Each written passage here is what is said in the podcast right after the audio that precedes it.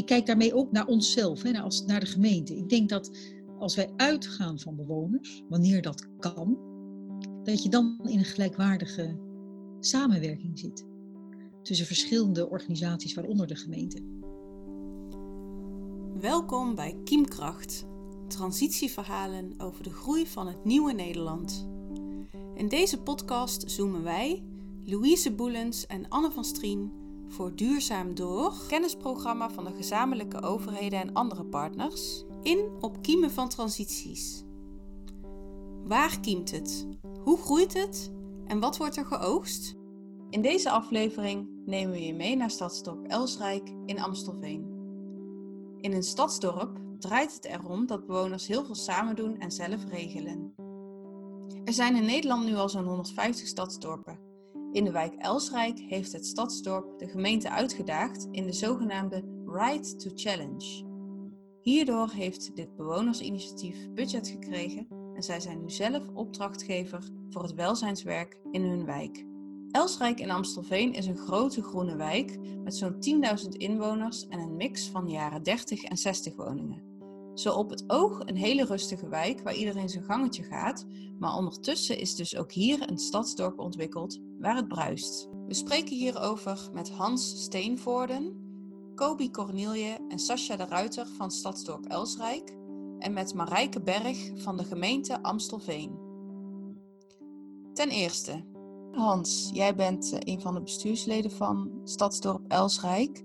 Kun je eens kort vertellen, wat is een stadsdorp eigenlijk? Een uh, stadsdorp is een uh, initiatief van bewoners, een geheel van buurtjes en straatjes in, in een wijk, waarin bewoners samen vormgeven aan hun eigen activiteiten en vooral daar de, zelf de regie over hebben. Zelf uh, kijken, organiseren wat, van, wat belangrijk is voor het wonen en samenleven in een wijk. En daarbij is, het, is het tweede punt belangrijk uh, dat we er ook zijn uh, voor elkaar. Nabuurschap vinden we belangrijk, elkaar steunen, elkaar helpen. Want daardoor wordt de wijk ook een stuk uh, leuker.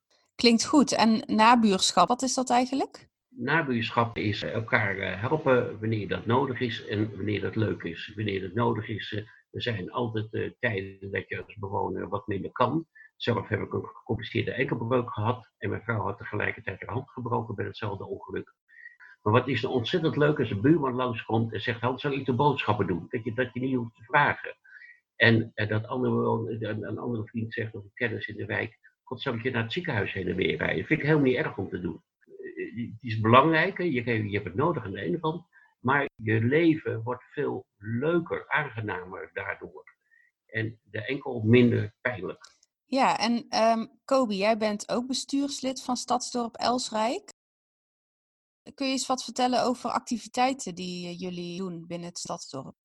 Er zijn vooral heel veel clubjes die met elkaar leuke dingen doen. En dat is zoals Hans eigenlijk ook al schetste, door en voor bewoners. Dus bewoners organiseren activiteiten en andere bewoners maken daar deel van uit. Nou, je kan dan denken aan een natuurclub, uh, wandelen, uh, een werkgroep duurzaam. Want we hebben ook bepaalde werkgroepen die gewoon graag in overleg met de gemeente gewoon een thema verder uit willen werken.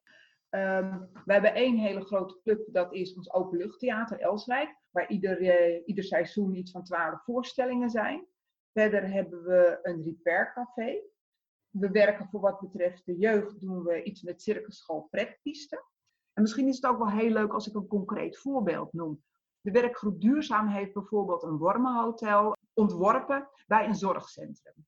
Nou, en dan moet ik even iets vertellen. Wat we ook in de wijk hebben is goede buren. Dat is een organisatie waar meerdere organisaties van de wijk deel aan uitmaken. Nou, een voorbeeld, er zitten twee kerken in en er zit een zorgcentrum in en wij als stadsdorp Elsrijk.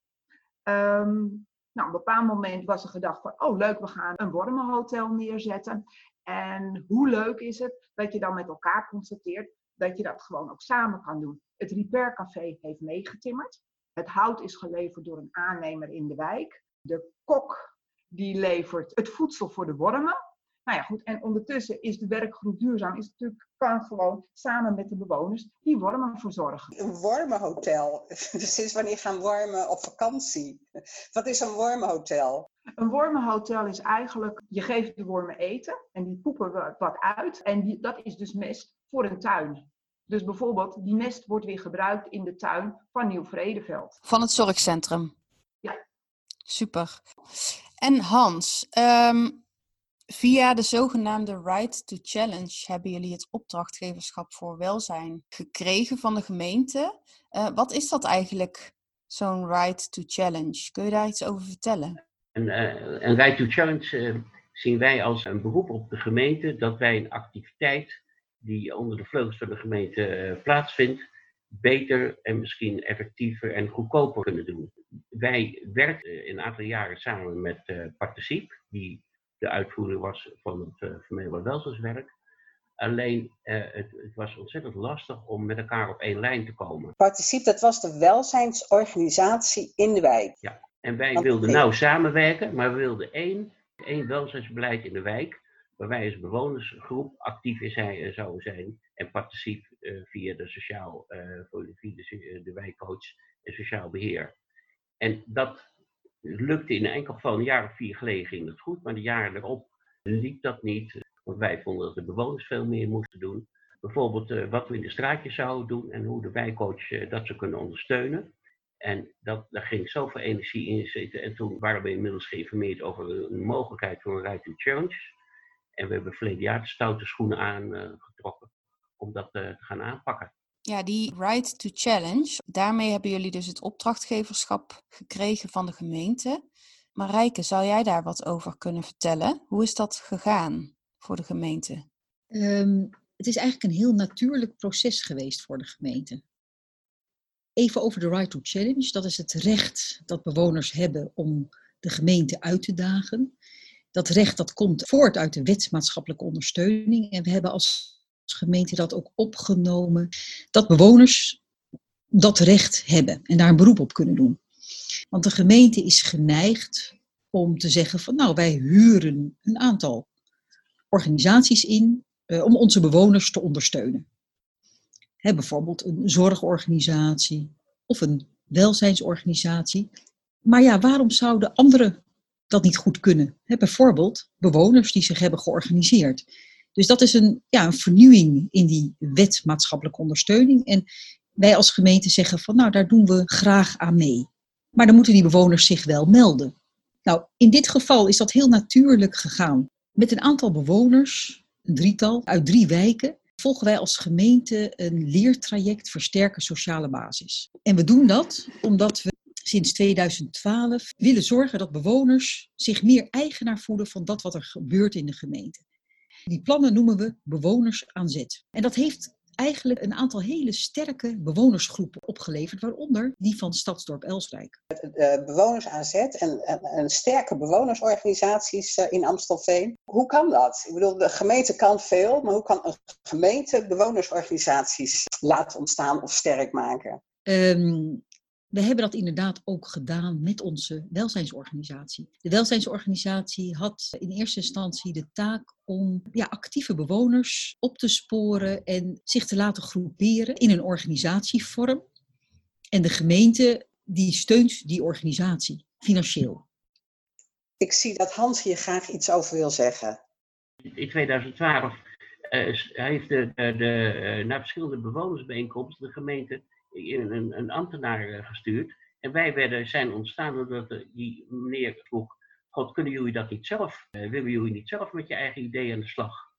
En dus ons initiatief is een, eigenlijk een initiatief van de gemeente geweest. Dus, en die meneer van de organisatie Adviesbureau, die was ingehuurd door de gemeente, heeft ons als het ware aan de hand genomen de eerste weken. Dus we hebben ontzettend veel aan gehad. Dus er zijn een aantal actieve bewonersgroepen ontstaan in Amstelveen. En je vertelde, we gaan ook samen op cursus. Dat vond ik ook zo'n bijzonder verhaal. Gemeenteambtenaren en ja. mensen uit wijken die samen op cursus gaan. Heel bijzonder. En ik hoor ook, moet ik eerlijk zeggen, terug uit het hele land, dat wat we in Amstelveen doen, dat dat echt wel uniek is. En eigenlijk hebben we drie wijken gekozen. Eentje waar het niet goed gaat, eentje waar het nou gemiddeld gaat en eentje waar het heel goed gaat. Dat is Stadsdorp Elsrijk daarmee zijn we op cursus gegaan. En we, dat is het leertraject, landelijk leertraject Versterken Sociale Basis. Wat wil dat leertraject? Die wil ook zorgen dat er sterke wijken ontstaan. En hoe worden wijken sterk? Als bewoners zich ook eigenaar voelen van dat wat er gebeurt in hun wijk. En eigenlijk is die Right to Challenge, zo zie ik dat, zo heb ik hem vertaald, toch het gevolg geweest van een leertraject van een jaar samen, waarin we steeds meer proberen op een gelijkwaardige, daar gaat het om, gelijkwaardige manier, en dan gaat het over de gemeente, de welzijnsorganisatie en bewoners, samen kijken naar wat moet er nou gebeuren in die wijk. En dat op een gelijkwaardige manier. Dat is ontzettend moeilijk om dat te bereiken. We zijn echt nog steeds aan het leren. Ja, dank je. Jullie zijn er dus aangegaan, jullie bewoners. Dat eigenaarschap hebben jullie gewoon gepakt. En Marijke Berg van de gemeente zegt van die gelijkwaardigheid is ook zo belangrijk. Hans. Uh, ik heb Marijke opgebeld en de, de eerste kennismaker was, vraag aan mij was heel brutaal. Kunnen wij wat met die cursus? Nou, zegt Marijke, die, die heeft er een dag over nagedacht en heeft met de wethouder geloof ik besproken. We gaan dat samen doen. En ik vind, dat vinden wij inderdaad een unieke situatie dat je samen leert. En betekent ook dat we redelijk open zijn over onze problemen. Ja, dank je Hans. Dat Right to Challenge, dat is dus toegekend en het komt erop neer dat Stadsdorp Elsrijk, die heeft het budget gekregen wat vroeger ging naar de welzijnsorganisatie en die had een sociaal beheerder en die had een wijkcoach. Dat hele budget is nu in handen van de bewoners.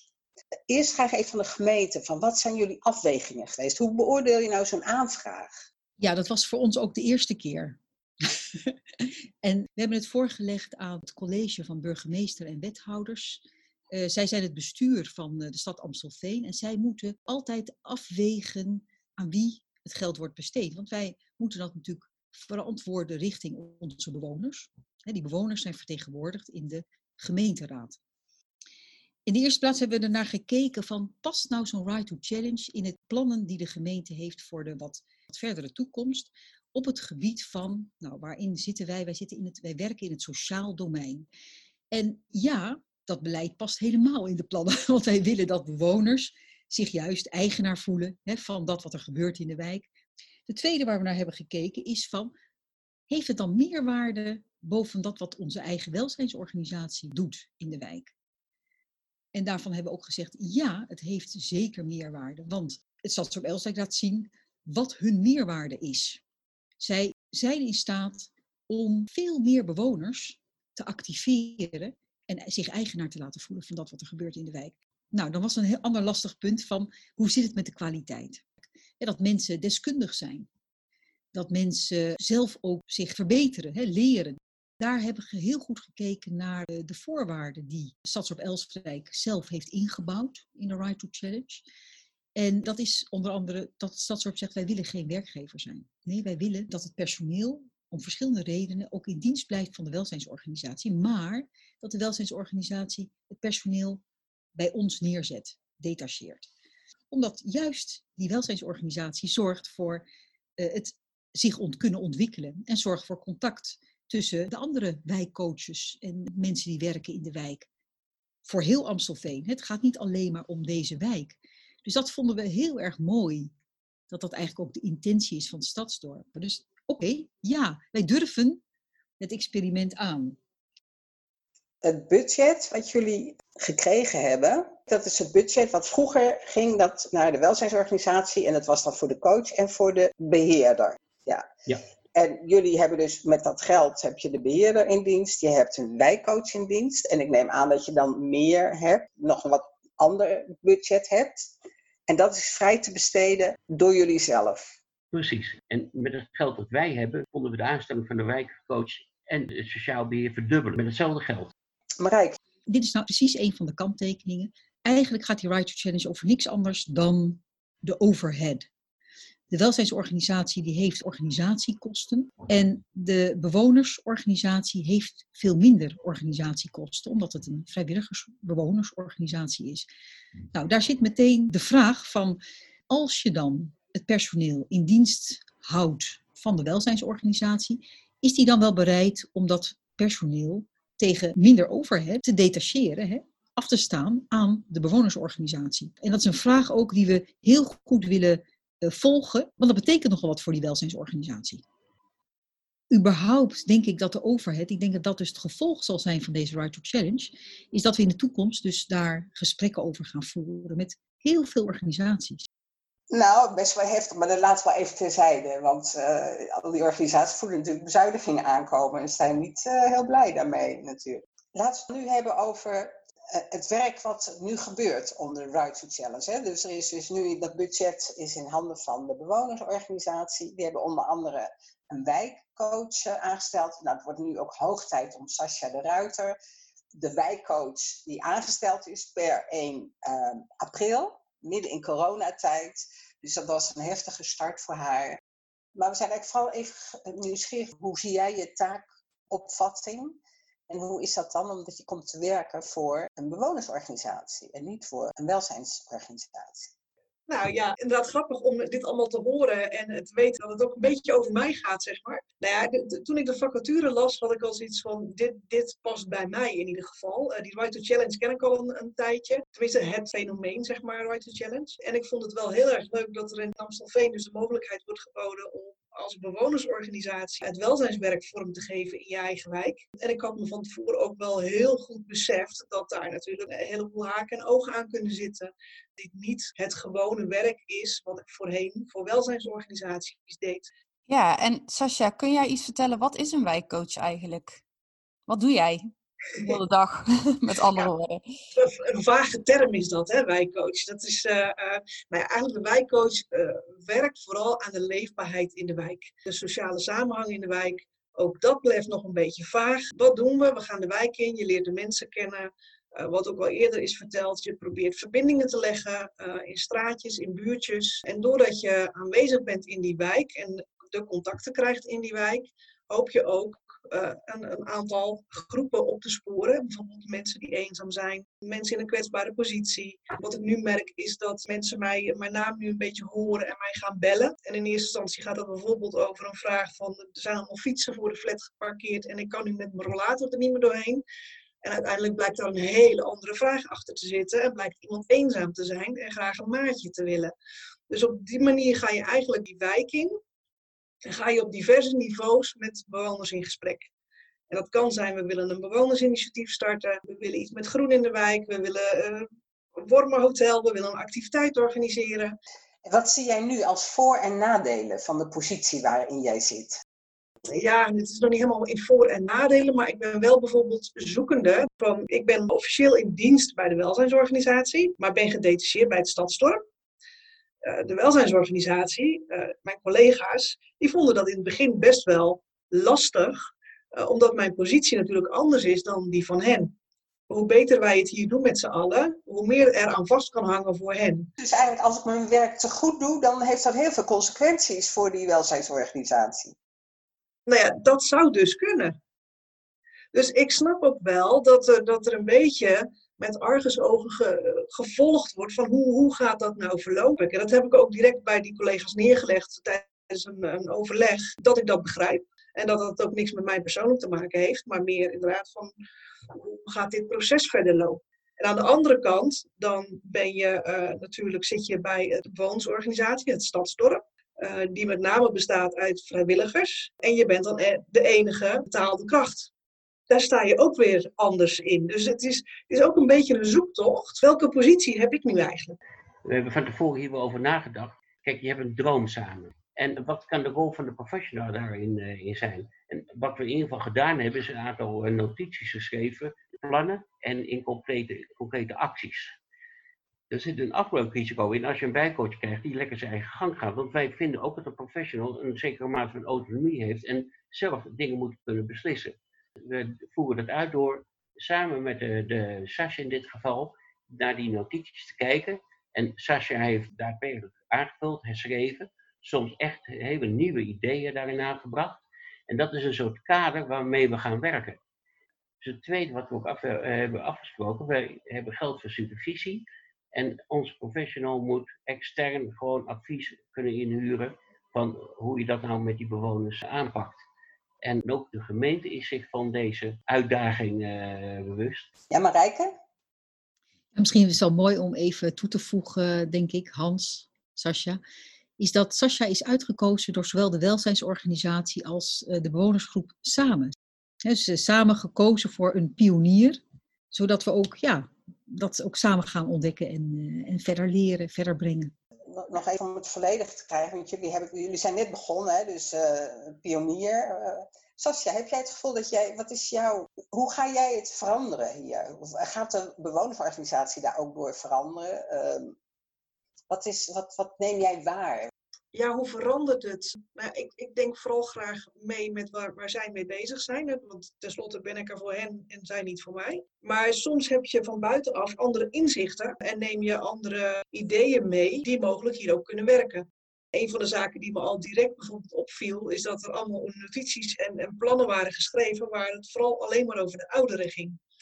En toen we naar de cijfers gingen kijken, toen zei ik van joh, maar 50% van deze wijk is jonge gezinnen. Die komen helemaal niet voor in, de, in het wijkplan. Uh, hoe staan jullie daar tegenover? Dus ik denk dat de verandering, wat voor mij betreft, zeg maar meer zit dat ik het, dat ik het breder wil gaan, gaan uh, uitrollen in de wijk.